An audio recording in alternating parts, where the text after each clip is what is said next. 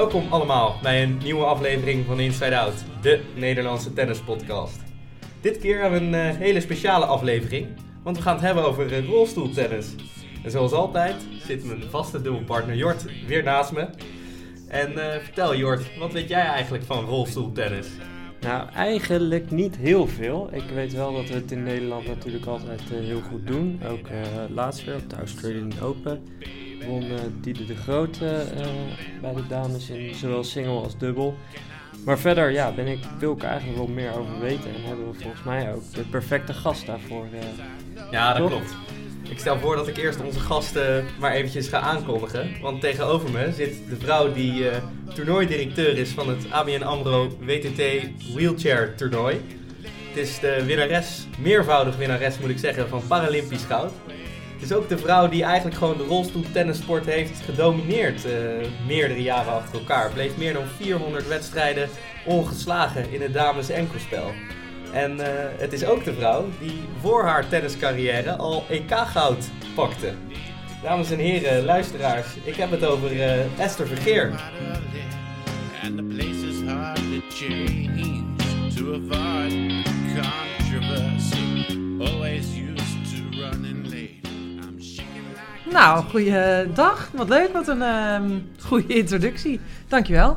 Ik denk dat, uh, dat de luisteraars, uh, Esther, wel heel benieuwd zijn uh, hoe dat dan zit met EK-goud voor je ooit een ja. tennisracket had aangeraakt. Nou, dan moet ik ook weer even heel diep graven. Maar dat is inderdaad in de basketbalsport geweest. Toen, um, nou, ik ging, eigenlijk begon ik tennis en basketbal tegelijkertijd. Toen ik uit het revalidatiecentrum kwam.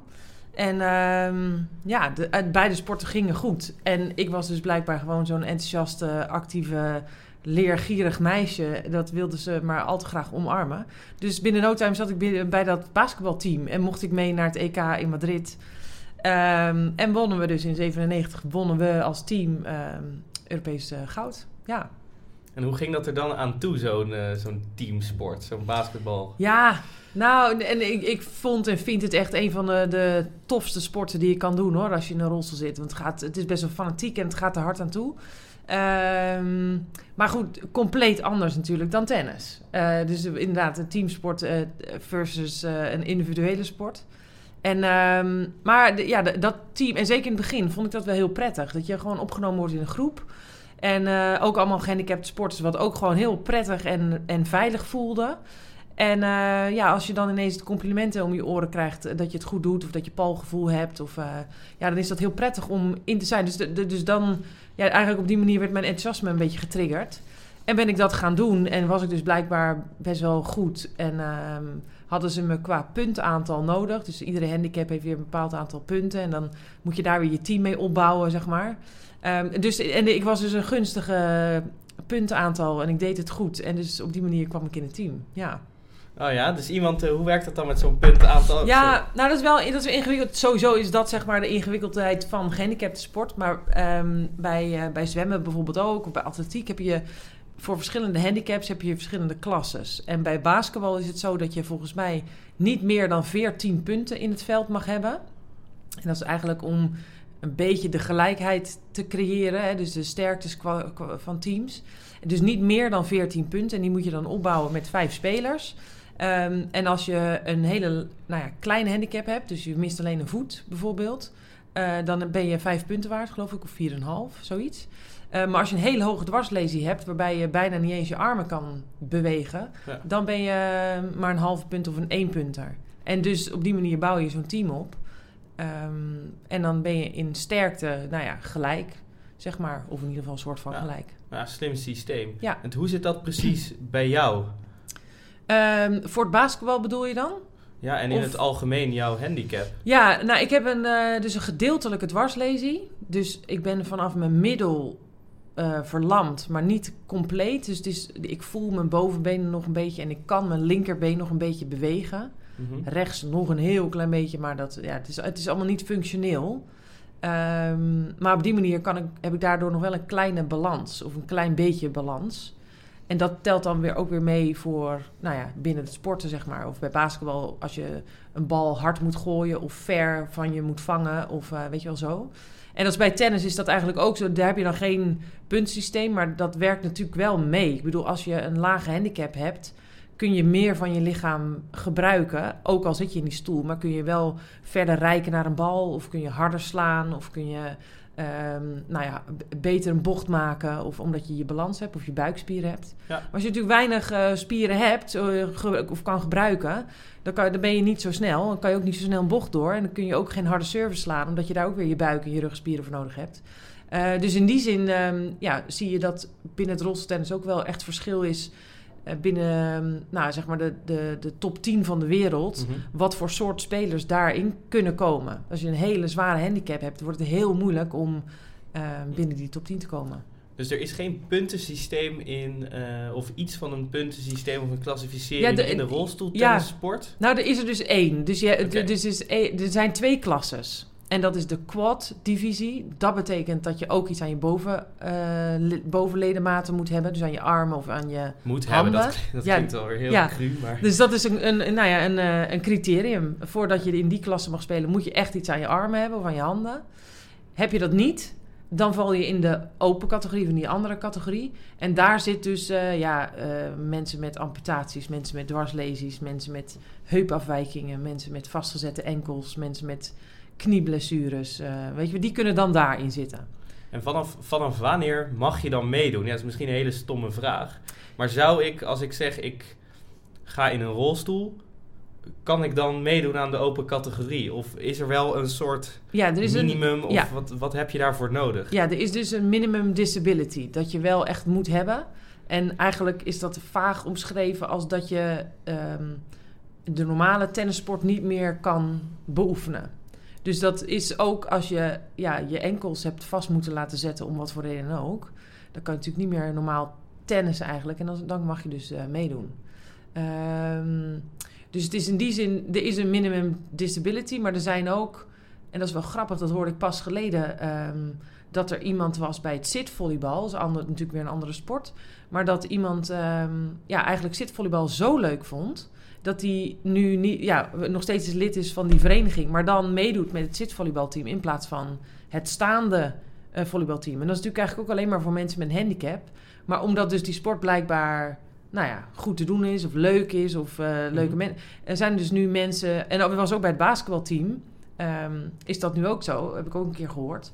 Uh, dat er dus iemand zonder handicap um, die sport aan het beoefenen is. En dan is het in Nederland volgens mij zo dat je wel de sport mag beoefenen, dus mee mag trainen. Maar als je wedstrijden wil gaan spelen, dan mag het weer niet. Of als je internationaal wedstrijden wil gaan meespelen, dan kan dat niet. En dan moet je dus echt wel die minimale handicap hebben. Maar goed, eh, ja, zoals, weet je, nu hier ook al. Weet je, hebt zoveel uitleg eigenlijk nodig om uit te leggen voor wie uh, gehandicapte sport is. Dat, dat maakt denk ik ook wel waarom uh, gehandicapte sport nog best wel ingewikkeld is om aan populariteit te winnen. Omdat er zoveel uitleg soms bij nodig is. Want is, is er geen limiterende factor als het ware in het aantal gehandicapten? Uh, binnen de sport bedoel je? Ja, dus zijn er, zou je, zijn er wel genoeg gehandicapte mensen die eigenlijk bijvoorbeeld rolstoeltennis zouden kunnen doen, maar die er gewoon niet, niet genoeg van af weten of het niet durven? Ja, nou ik denk dat daar nog een hele grote groep is. Volgens mij is het zo, ik heb eens een keer cijfers gehoord dat maar 27% maar dat weet ik niet helemaal zeker. 27% van de mensen met een handicap die sport op uh, reguliere basis. Dus dat is één keer in de week. Ah, precies. Dus één op de vier doet dat nu ongeveer ja. pas eigenlijk. En dat is best wel weinig. En dan heb je het over alle mensen met een handicap. Dus dan heb je dus van, nou ja, van 0 tot 90. En van um, nou ja, alleen een enkel blessure tot aan de meest zwaar gehandicapte persoon die er maar is. Maar ook uh, geestelijk gehandicapt en ook blind en nou, dat soort dingen. Dus dat is helemaal niet veel eigenlijk. Dus het is echt nog wel een, denk ik, een hele grote klus voor de bonden. Uh, maar ook voor de spelers en voor de sport op zich. Om um, echt werk van te maken om nou, bekender te worden. En te laten weten waar je het kan doen. Uh, wat je daarvoor nodig hebt. Um, hoe je aan je materiaal komt, je rolstoel. Of weet je wel dat. Dus dat, dat je eigenlijk op die manier meer drempels weghaalt om, uh, om zo de toegang tot tennis of wat voor sport dan ook ehm, ja, makkelijker te maken. Zit er wel een groeiende trend in? Of eh, was dat tien jaar geleden ongeveer hetzelfde? Of nog veel minder of juist veel meer? Nee, er zit wel een kleine groei in. Ik denk ook wel omdat je nou, toch wel steeds meer gehandicapte sport ook wel ziet. Hè? Dus of dat nou in kranten is, of dat je dat bij de Paralympische Spelen op de televisie ziet, of dat de NOS er dan aandacht aan besteedt. Of weet je wat. Dus ik denk wel dat er steeds meer ehm, animo is. Maar daarentegen is het aanbod ook vergroot. Dus vroeger was het rolstoeltennis, rolstoelbasketbal, atletiek en zwemmen. Dat was het. Maar nu heb je zoveel meer keus. En dus versnippert het ook allemaal weer. Dus dan, ja, dan eh, meer te kiezen. Dus mensen verdelen zich meer. Dus dat betekent niet dat de groep tennissers groter wordt automatisch. Ehm, maar ja, dus dat is een beetje zo'n worsteling waar je dan mee zit. Dus ik denk ook wel dat de initiatieven die er zijn vanuit bonden, maar ook bijvoorbeeld met de Esther Foundation of andere stichtingen, dat die ontzettend belangrijk zijn om eh, iedere keer die aandacht te krijgen voor die sport en ook nou ja, de, het enthousiasme te creëren. Hey, en ehm, dan besluit je, of dan, ja, jij viel er eigenlijk in dan, als ik het zo begreep, in het rolstoeltennissen. Kijk, wij zijn natuurlijk fanatieke tennissers. Dus we hebben een goed idee over wat je dan op de baan doet en wat je leuk vindt eh, aan tennis. Kun je nou eens uitleggen hoe dat dan gaat? Je, je zit in een rolstoel, je hebt je racket. Ja. En hoe, hoe begin je dan met Ja. tennissen? Ja, en dan is tennis denk ik wel een van de meest ingewikkelde ehm, rolstoelsporten. Want je hebt dus ook nog te maken met dat racket wat je vast moet houden. Dat is dus het meest ingewikkelde. En dan moet je dus ook nog je rolstoel eh, goed zien voor te bewegen. En dat merk je wel dat dat... Ja, is gewoon eh, gecompliceerd. Dus je moet daarvoor heel veel uren maken eigenlijk om daar echt goed in te worden. Dus dat merk je bij beginnende rolstoeltennissers. Dat ze... Nou, dan zet je ze op de baan neer en dan speel je wat ballen aan. En ja, vanuit stilstand kunnen ze best wel wat ballen raken. Maar zodra ze over die baan moeten gaan bewegen, van links naar rechts of van achter naar voren, dan wordt het wel een ander verhaal. Ehm, en dan is het dus zaak dat je nou, en de goede begeleiding krijgt. En daar ook eh, bereid bent om daar heel veel tijd en energie in te steken. Ik heb wel eens gezegd, op, op het einde van mijn, eh, of tegen het einde van mijn carrière heb ik denk ik wel ja, 70% van mijn tijd spendeerde ik eh, alleen maar met mobiliteitsoefeningen. Dus eh, rollen op de baan. Ehm, en handiger, slimmer, sterker worden in je mobiliteit. In plaats van ja, leren hoe een voorhand moet, zeg maar. Ja, ik kan me dat zo voorstellen. Want weet je, eh, nou ja, op de baan is bijvoorbeeld mijn mobiliteit een van mijn sterkere punten op de baan. En op het moment dat ik een klein pijntje heb aan mijn knie of aan mijn enkel en net niet lekker voor de bal sta, dan raak ik hem al gewoon niet Ja. goed en dan raak ik gefrustreerd. Ja, En dat kan ik me dan ja, toch voorstellen dat het in een rolstoel nog veel moeilijker is om een beetje goed over die baan te bewegen. Ja. En maakte jij dan het verschil door mobiliteit ja ik- of door je waanzinnige topspin voorhand, om, om dat maar zo te zeggen? Nou, ehm, ik denk echt wel dat ik verschil maakte. Ik was heel sterk en dus heel snel. Dus ik wa- was bij veel ballen. Eh, dus dat maakte, dat, daar had, had ik een voorsprong op. En mijn eh, topspin eh, backhand was wel... de- dat sloeg... Die niemand- zat er ook wel lekker op. Ja, en eh, ja, er was niet iedereen heel veel slicen, zeg maar. In, eh, eh, doen alleen maar slice. En ik had dan een, eh, zo'n enkelhandige backhand eh, topspin. En dat is mega irritant, want met, in een rolstoel kan je natuurlijk ook niet springen. Je kan niet heel snel naar achter. Dus als, die, als je een hoge bal krijgt, eh, moet je heel veel boven je macht spelen. Dus mijn tegenstanders moeten heel veel boven, boven hun macht die bal terugspelen. Ja, daar kan je nooit heel veel snelheid mee maken. Dus dat was een, wel een wapen voor mij. Dus of hij stuitte over, zich heen, over hun heen... Of eh, ik kreeg een zwakkere bal terug, waardoor ik daarna weer een aanvalsbal kon eh, spelen. Dus, dat, dus die twee punten was echt wel ehm, nou, mijn sterke punten. En ik denk ook dat dus mobiliteit, zeker bij beginnende tennissers, eh, dat frustreert. Net als dat jou frustreert als je niet goed voor een bal staat. En, ehm, en dat is ook het moeilijke. En ik, eh, ik weet niet meer wie het nou precies zei. Aad Zwaan, volgens mij, een van mijn trainers, die zei: ja, we hebben, je hebt vijf basisslagen in de tennis. Die moet iedereen wel beheersen. En daarnaast hebben rolstoeltennissers 25 speciaalslagen. Omdat er altijd ballen komen die recht op je afkomen. Nou ja, in een rolstoel kan je niet een stapje naar links. En ook niet een stapje naar rechts. Dus je zit altijd in de knoei. Wat doe je dan? Ja, dan hengel je maar een beetje terug. Ja, Want dat- ik kan me voorstellen, kijk, ik krijg wel eens bijvoorbeeld een volley eh, in mijn lichaam. En dan moet ik ook snel reageren. En dan krijg je toch een beetje dat je die, ja, die, die backhand zo voor je... Ja. eh, iedereen iedereen herkent die wel. Ja. Je die bal op je slagschouder, daar kun je precies je racket niet... Nee. En toch denk krijgen. ik dat jullie dan, of tenminste de lopers, hè, we doen het Ja. eh, rollers en lopers, zeg maar. Ja. Dus de, de lopers die, kan dan, die, die kunnen dan net nog een beetje wegstappen. Je kunt nog een beetje heen en weer Of bewegen. heen en weer bewegen, zo eh, van Maar dat doe jij ook een beetje. Ja, Dat zien de luisteraars niet, maar je ziet hier Esther dus ook wel, ja. toch wel zeker een meter een beetje zo van links naar rechts bewegen. ja, en dat komt dus omdat ik nog best wel wat balans heb. Nou kan ik dat, maar als je dus weinig balans hebt, dan kan je dat eigenlijk niet.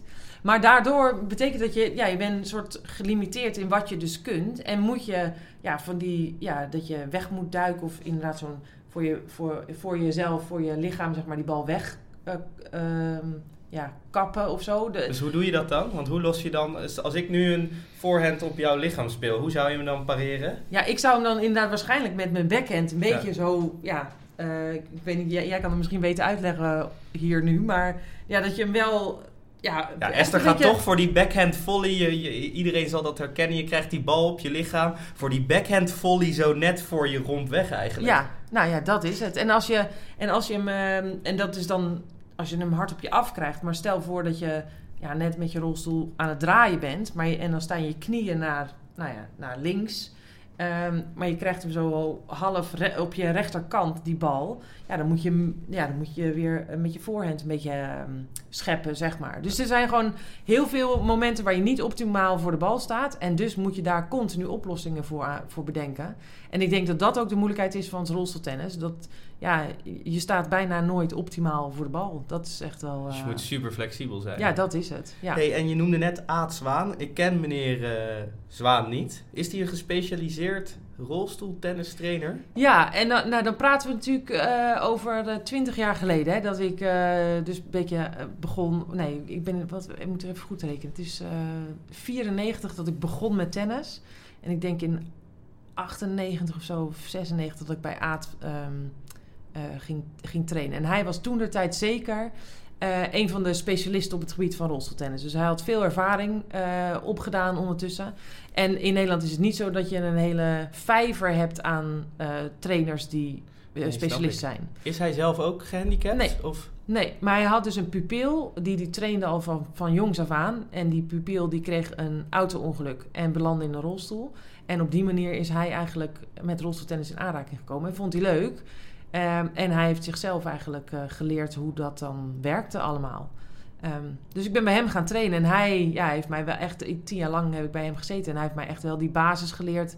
wat dan belangrijk is voor, eh, voor rolstoeltennis. Ja. En wat is belangrijk? Stel, eh, hoe, hoe begin jij je punten? Want ik denk ook wel eens na over een punt. Als ik ga serveren, dan kies ik een kant, dan kies ik een bepaald effect wat ik wil doen. Ja. En dan heb ik een soort plan. ja. Wat was jouw plan?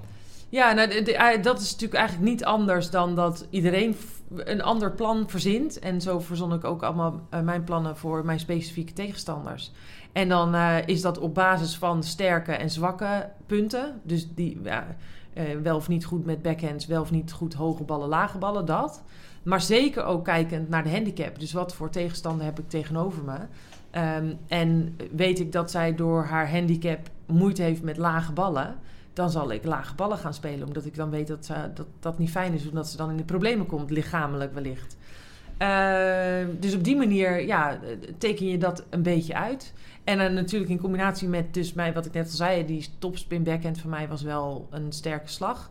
Dus ehm, ja, ik vond het helemaal niet erg om, om daar veel ballen op te krijgen. Dus ik, ik eh, ging ook zo te werk dat ik veel ballen op mijn backhand kreeg. En hoe doe je dat dan? Hoe, ja, hoe zorg je daarvoor? Met service al iets? Of? Ja, ja, zeker met service. Ja, ehm, maar goed, dat, dat hangt dus ook af van de, de sterke slagen van je tegenstander. Ik bedoel, als je weet dat die voorhand van haar eh, heel goed is, maar dat ze dat eigenlijk het, li- het liefst crosscourt speelt. ehm, ja, dan probeer ik in ieder geval niet op haar voorhand te serveren. Maar dus op haar backhand met een grotere kans dat die bal rechtdoor wordt gespeeld.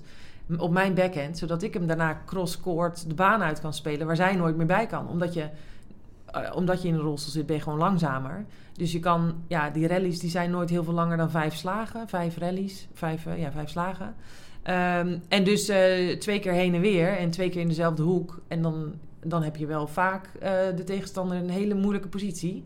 En dan is het vaak afmaken, zoiets. Dus, dus klopt het dan dat je relatief veel winners slaat in een partijtje rolstoeltennis? Ja. Of won je je wedstrijden toch gewoon omdat die tegenstander, omdat je ze dwong tot fouten? Of dat Nee, nou, ik, dus eh, een combinatie van. Dus veel winnaars, winners. ehm, maar ook heel veel fouten. Binnen het rolstennis wordt ook heel veel fouten gemaakt. Omdat je dus nooit goed voor de bal staat. eh, kom je ook heel vaak in situaties terecht waarom, waar, waarbij je gewoon echt niks meer met die bal kan. En dus dat de zuiverheid van je slagen eraf gaan. Ehm, en dus ja, vaak toch wel een netballetje of eh, ehm, net, net niet goed genoeg voor de bal, zodat je niet genoeg spin kan geven aan de bal, zodat hij uitgaat. Nou ja, dat soort dingen. Dus het is, wel, het is een combinatie van, dus eh, het, het foutpercentage is wel, ligt wel hoger. Ook waarschijnlijk omdat wij natuurlijk lager zitten. Dus wij, Ja. ja. de nethoogte is even hoog als bij valide tennis. Maar wij zitten natuurlijk een stuk lager. Dus op die manier ja, sla je ook wel meer ballen in het net. Ja, Ja, want we hebben wel gewoon dezelfde baan, toch? Ja. Dezelfde baan, dezelfde afmeting, Ja. dezelfde net, alles Ja, hetzelfde, dezelfde hetzelfde ballen. ballen. Ja, hetzelfde rackets. Eigenlijk is echt alles hetzelfde. Behalve dat eh, binnen het rolstennis mag je de bal twee keer laten stuiteren. Ja. Eh, waarbij die eerste stuit binnen de lijnen moet zijn, die tweede stuit mag daar buiten. En eigenlijk zie je bij, de, bij toptennis dat die tweede stuit nauwelijks meer gebruikt wordt. Ik kan me niet voorstellen, want als je hem een beetje doorhaalt, die Ja. tweede stuit, die is, die is ergens in in het publiek of zo, ja, Ja. toch? Ja, ja, klopt. Dus dit wordt ook bijna niet meer gebruikt. Behalve dus als je, ja, als je een, een kort cross de baan uitspeelt, ehm, maar je kan hem nog net halen, zeg maar, dan heb je wel die tweede stuit nodig. Of bij een dropshot, dan heb je dus die tweede stuit nog wel nodig. Ben je eens ongevallen ook? Ehm, nou, niet echt omgevallen, want die stoelen zijn zo gebouwd. eh, schuine wielen met een achterwieltje ook en, een, en, en natuurlijk voorwieltjes. Dus je kan bijna niet omvallen. Ehm, maar als je een hele hoge bal krijgt en je moet daar naar rijken... en je hebt heel veel snelheid en je spint op een, op een bepaalde manier... ben ik wel eens achterover gevallen. Ja, Ja, echt waar? Ja, ja. Ja, dan is het punt voorbij. Of als ja, het punt heel voorbij en jouw carrière misschien ook, of viel dat wel mee? Nee, dat, dat viel me. Nou, nee, zo hard, zo hard val je niet. Nee. En ik ben ook wel eens gevallen als, het, als het gravel een beetje zacht is. En je, rijkt naar, je moet rijken naar een bal. Het zijn hele kleine voorwieltjes die je hebt. Dus die groeven zich nog wel eens eh, in in het gravel. Dus dan bleef je haken. En maakte je zo een, eh, een klapper voorover, zeg maar. Viel je gewoon op je gezicht. Nou, was je Dus ook dat- beter op snelle banen of op langzame banen? Nee, ik was wel beter op snelle banen. Ja, dat vond ik wel, eh, vond ik wel fijner. Ja. Dus de, de, gewoon de, hardcore, zeg maar. De New York Flushing Meadows en de Australian Open. Dat waren wel mijn ondergronden. Ja, dat vond ik wel het fijnst. En hoe, als je dan je, je slagen gaat doen, hè? want eh, zal ik maar zeggen, zoals jij zegt, in valide tennis, dan draai je in en je haalt best wel wat snelheid uit de rotatie Ja, eigenlijk. ja. Kun jij jezelf, kun je ook nog een beetje roteren bij het slaan en, en zet je die rolstoel dan ook een beetje schuin, zodat je een klein beetje in ieder geval wel Ja. indraait, als Ja. het ware? ja, eigenlijk is een soort optimale hoek, zeggen we dan ook wel, dat je je, ja, je knieën een soort 45 graden eh, naar één kant toe wijzen. Dat dat zeg maar de aanlegpositie is voor je voorhand. Ehm, en eigenlijk als je je voorhand aan het slaan bent, door de snelheid van je arm, neem je eigenlijk je rolstoel mee. Want die rolstoelen zijn echt heel erg wendbaar. Eh, dus door de snelheid van, je, van het rijden, want je bent eigenlijk altijd in beweging, en van de snelheid van je arm, neem je eigenlijk je rolstoel zeg maar, mee in een soort bocht. Ehm, en dat is vergelijkbaar met hoe je indraait, denk ik, met staan. Ja, ik heb nog nooit eh, lopend getennis, dus ik weet het niet 100%. Maar dat is een beetje hoe je dan eh, dat, dat vergelijk kan maken. En buiten dat is het ook zo dat dat meteen zorgt voor de snelheid om weer eh, te gaan herstellen. Want uiteindelijk met voetenwerk van het valide tennis kan je natuurlijk wel nou ja, naar links en naar rechts lopen, maar ook naar achter, kleine stapjes naar achter maken om weer te herstellen. En bij het rolstennis is ook wel een groot verschil met valide tennis, is dat, ehm, nou wat ik al zei, links en rechts stappen, dat kan niet. Vooruit kan je natuurlijk altijd eh, rollen, maar achteruit, je kan wel achteruit rollen, maar dat is eigenlijk niet aan te raden Waarom niet? omdat als je daarna weer vooruit moet, dat kost twee keer zoveel energie. Dus je bent achteruit aan het rijden voor het herstel. Ja. Maar daarna moet je weer vooruit, dus moet je weer aanzetten. Dat kost twee keer zoveel kracht. En dan ben je helemaal niet snel, zeg maar. Dan moet je alle, alle energie die naar achteren aan het gaan was, moet je weer Ja. en naar voren. Dus dat is helemaal niet handig. En ehm, eh, dus bij het rolstoeltennis is het eigenlijk zo dat je alleen maar vooruit mag rijden. Dus dat betekent dat als je je voorhand hebt geslagen, je eigenlijk een soort half, half rondje maakt. Je met je neus ehm, in, nou ja, naar het hek toe wijst. Dus met je rug naar de tegenstander. En op die manier zoek je de achterlijn weer op. En voordat je tegenstander weer heeft geslagen, moet je zorgen dat je weer omgedraaid bent. Want dan zie je de bal heen moet. Ja. Dus dat is, eh, je bent eigenlijk continu ovaaltjes of achtjes aan het rijden om maar ja, eh, continu te herstellen. Ja. En zie je nu al eh, spelers die toch proberen dat achteruitrijden onder de knie te krijgen? Want ik snap, het kost veel kracht. Maar dan kan ik zeggen, van, ja, veel kracht, dat is waar. Maar je kunt het misschien wel trainen. Als je fysiek Ehm, echt super sterke armen krijgt, dan kun je misschien wel een voordeel daaruit halen. Ja, en, eh, kijk, het wordt een beetje gedaan als, de, als je niet ehm, heel ver naar achter hoeft te herstellen. Dus dan is het wel eh, logisch dat je eventjes met je gezicht in ieder geval richting je tegenstander blijft. Want dan kan je zien wat er gebeurt. Nou, dan, dan rij je een klein beetje achteruit. Hm. Ehm, maar nou ja, ik denk niemand doet het. Niemand eh, is het ook nu aan het doen. Dus ik ben echt ervan overtuigd dat het niet de meest efficiënte weg is om, eh, om achteruit te rijden. Want het, het, het kost gewoon te veel, ja, te veel energie. Mag je innoveren op rolstoelen? Wordt nu steeds meer gedaan. Want ik kan me ook voorstellen, je zou ook een rolstoel kunnen ontwikkelen. Je zegt nu, die rolstoel is wendbaar, maar volgens mij zit, zou ik maar zeggen, de as nog steeds vast. Ja. Dat die wielen ook kunnen draaien terwijl jouw, dat, terwijl jouw stoel als het ware op dezelfde plek blijft. Ja. Ehm, nou, het is wel, ik denk dat eh, dus in mijn eh, laatste twee jaar van mijn, nee, ja, van mijn carrière ben, heb ik ook een stoel eh, ontwikkeld. Ik zag namelijk dat ik zelf in, in, in een filmpje, dat ik nog heel veel bijbewegingen maakte in mijn stoel. Ik zat namelijk in een stoel die, nou weet ik veel, eh 80 jaar, 100 jaar geleden was ontworpen. Maar het is een vierkant bakje.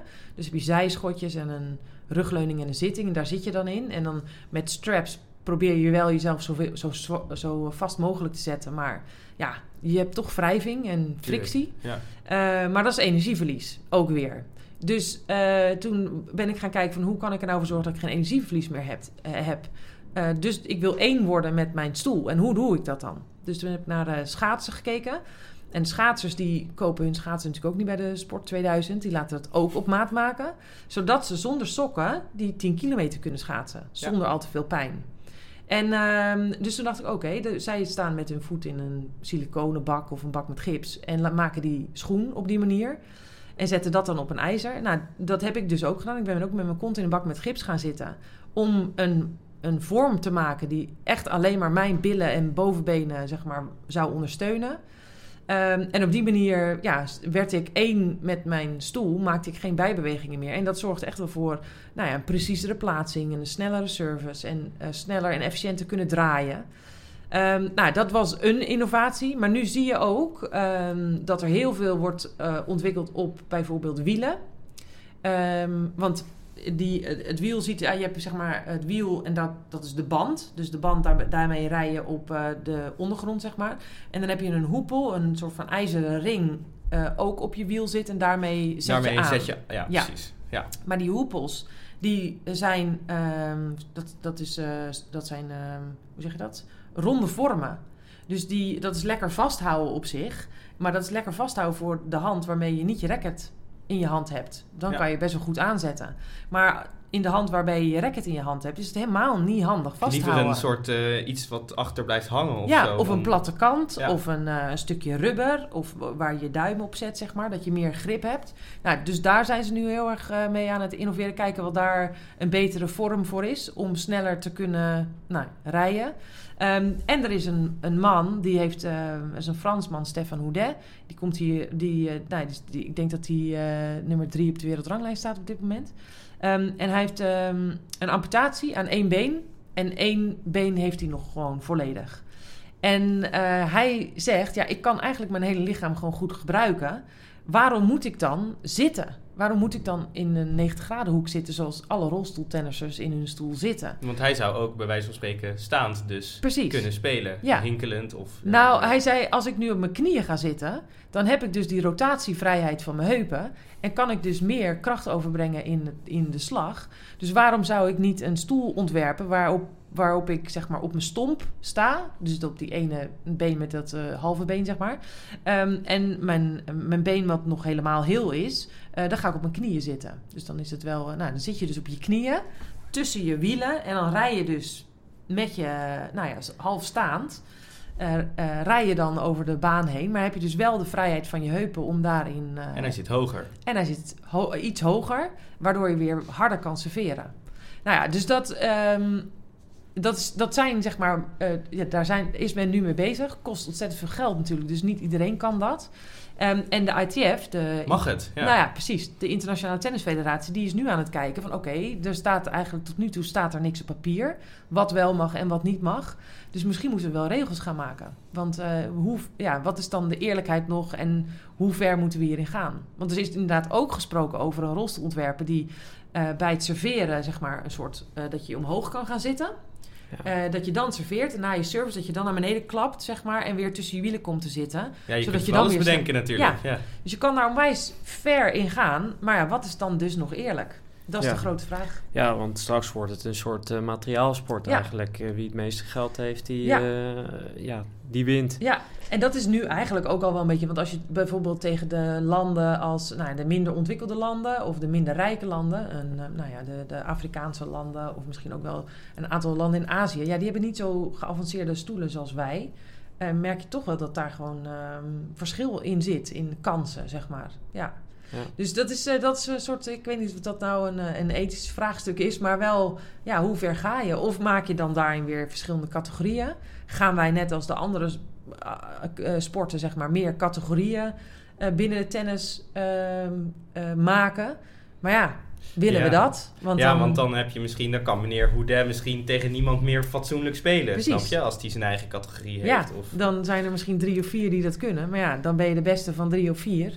Wat stelt dat dan dus voor? Of eh, ja, als je een categorie maakt voor alleen maar mensen met een dwarslesie... ehm, is dat dan wat je wil? Nou, dat zijn echt allemaal wel vraagstukken... waar de, waar de Internationale Tennisfederatie nu wel mee worstelt.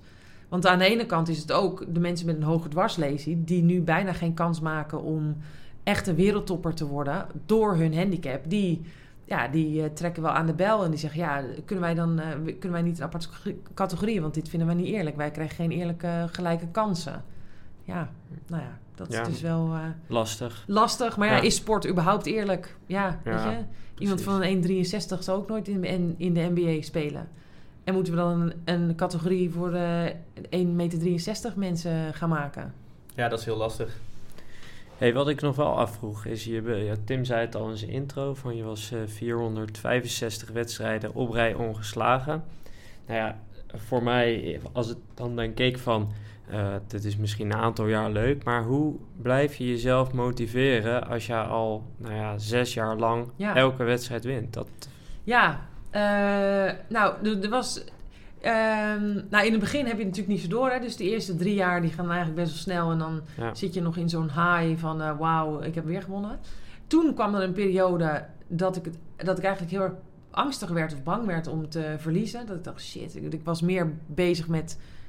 eh, oh, als ik deze wedstrijd dan maar niet verlies. En toen verloor ik eigenlijk ook wel een beetje de lol in het spelletje. Heb ik wel eens met Federer over gepraat. Die zat toen eigenlijk ook een beetje in zijn fase waarbij hij alles won. En ehm, Grand Slams zijn tegelijkertijd. Dus dan zaten we eh, nou, in dezelfde players eh, lounge, zeg maar. En ehm, eh, dus daar heb ik wel met hem over gehad. Hij zei, ja, dat is eigenlijk wel heel, echt heel vervelend. Want je voelt gewoon aan alles en het publiek en sponsors... en dat ze verwachten dat je wint. En tegelijkertijd willen ze er ook allemaal bij zijn... als, je, als de dag komt dat je gaat verliezen. En dat is een heel naar gevoel. En eh, de- de- toen heb ik eigenlijk ehm, heb ik heel veel energie gestoken in de mental coaching. Dus ben ik gaan ja, mentaal zeg maar gaan werken aan mezelf. Van hoe, hoe kom ik nu van die angst af? Want het slaat nergens op, dat wil ik niet. Ehm, ik wil gewoon het spelletje weer leuk vinden en ik wil echt weer plezier hebben in winnen. Wat voor oefeningen moet je dan doen? Ja, ehm, dat, de, eh, ademhalingsoefeningen. Dus, eh, dus hoe ga je om met spanningen binnen je lijf? En hoe krijg je dat onder controle? Nou, dan is een mogelijkheid door ja, ademhalingsoefeningen te doen. Dus eh, ja, eh, haal eh, binnen een minuut, of nee, tel je ademhalingen binnen een minuut. Hoeveel zijn dat er? Of ehm, eh, haal net zo rustig adem totdat je van jezelf merkt dat je je gedachten weer gaan afdwalen. Dan moet je stoppen, weet je wel. Nou, dat bouw je dan steeds langer uit. Nou, dat zijn verschillende oefeningen. Maar ook ehm, jezelf kleine opdrachtjes geven. Dat is wel, de, nou ja, Sven Groeneveld was de laatste vier jaar van mijn carrière mijn coach. En hij gaf mij eigenlijk kleine opdrachtjes als ik dus weer een soort angstig werd of nerveus werd op de baan. Dan zei hij, ja, dat gevoel kan je niet onderdrukken, want dat is er nu eenmaal. Eh, je kan ook tegen jezelf roepen, maar ik wil niet dat het er is, maar dat gaat niet helpen. Dus geef je dan een, een kleine opdracht. En dat is eh, de eerste 10 forehands die je krijgt, ehm crosscourt de baan uit. Zeg maar. Dus dat is heel klein, heel makkelijk oefeningetje. Een van mijn sterkste slagen waren dat. Dus dat vond ik makkelijk om te doen. En toen, nou, dan concentreerde, concentreerde ik me op dat oefeningetje. En die gedachten die me zenuwachtig maakten, die gingen dan naar de achtergrond. En waardoor ik dus langzaam zeker die zenuwen weer, weer kwijtraakte. Nou, dat. Ehm, maar wat mij motiveerde in die, al die jaren, ja, ik denk. eh gehandicaptensport, en eigenlijk nu ook nog steeds, maar toen zeker, was nog best wel jong. En dus eh, eigenlijk alles kon je nog bedenken en vernieuwen. En dus dat had te maken met eh, trainingsschema's. Inderdaad, die 70% bezig zijn met, eh, met mobiliteitsoefeningen. Nou, welke oefeningen zijn dan goed? Ehm, voeding was ook nog niet zo heel veel over bekend. Ik gebruik de helft van mijn lichaam maar. Dus een standaard tennisdieet, als je het zo even wil noemen, dat is niet heel handig. Want ja, zoveel verbruik ik gewoon niet. Maar wat dan wel? Je moet natuurlijk wel voldoende energie binnenkrijgen. En nou, dus op voeding heel veel aandacht besteed. Ehm, ook die stoel. Ik vond het heel tof om iets nieuws te bedenken. Ja, Met, dat is eh, hartstikke gaaf. ja, dus iedere keer denk ik op zoek gaan naar... oké, wat kan ik dan verbeteren? Ik ben dan nu de beste en ik ben nummer één... en ik heb die wedstrijden gewonnen. Maar wat kan ik dan nu nog anders doen? Of waar zullen we nu aan eh, gaan werken om ja, beter te worden? Ehm, gewoon omdat het proces van beter worden heel tof is. En niet per se het resultaat gericht. Want ja, daar, daar was ik misschien niet eens meer zo mee bezig... dat ik per se nummer één wilde blijven. Maar meer dat ik beter Nee, wilde worden. Ja, ik denk dat heel veel sporters daar wel wat van kunnen leren, zeg maar. Want het is toch vaak van het resultaat, Ja. eh, toernooien winnen, nummer 1 worden. Dat zijn vaak toch de doelen. Terwijl het Ja. echt beter worden, innoveren, ehm, nou, noem het allemaal maar op. Dat Ja. hoor je in ieder geval minder, Minder. dan eh, ja, jij nu vertelt Ja. tijdens jouw carrière. Nou, maar ik denk ook wel in het, in, zeker in de beginjaren heb je, heb je die doelen ook wel nodig. En ja, heb ik ook tegen mezelf gezegd dat ik per se nummer één van de wereld wilde worden. En doordat ik dat hardop uitsprak, ehm, heb ik dingen om me heen kunnen organiseren. Of organiseer, organiseerde ik dingen om me heen, waardoor dat is, is gelukt. Dus ik denk ook dat het heel erg goed is om die, dat soort concrete prestatieve doelen te hebben. Ehm, maar misschien niet dat je daar blind op moet staren. Ja. Wijs advies van een eh, oud, langdurig Nou, nummer 1 van de wereld. Misschien eh, voordat we deze aflevering eh, afronden, Esther. Wie zou jij graag nog in de podcast willen hebben? oeh, wauw. Ehm,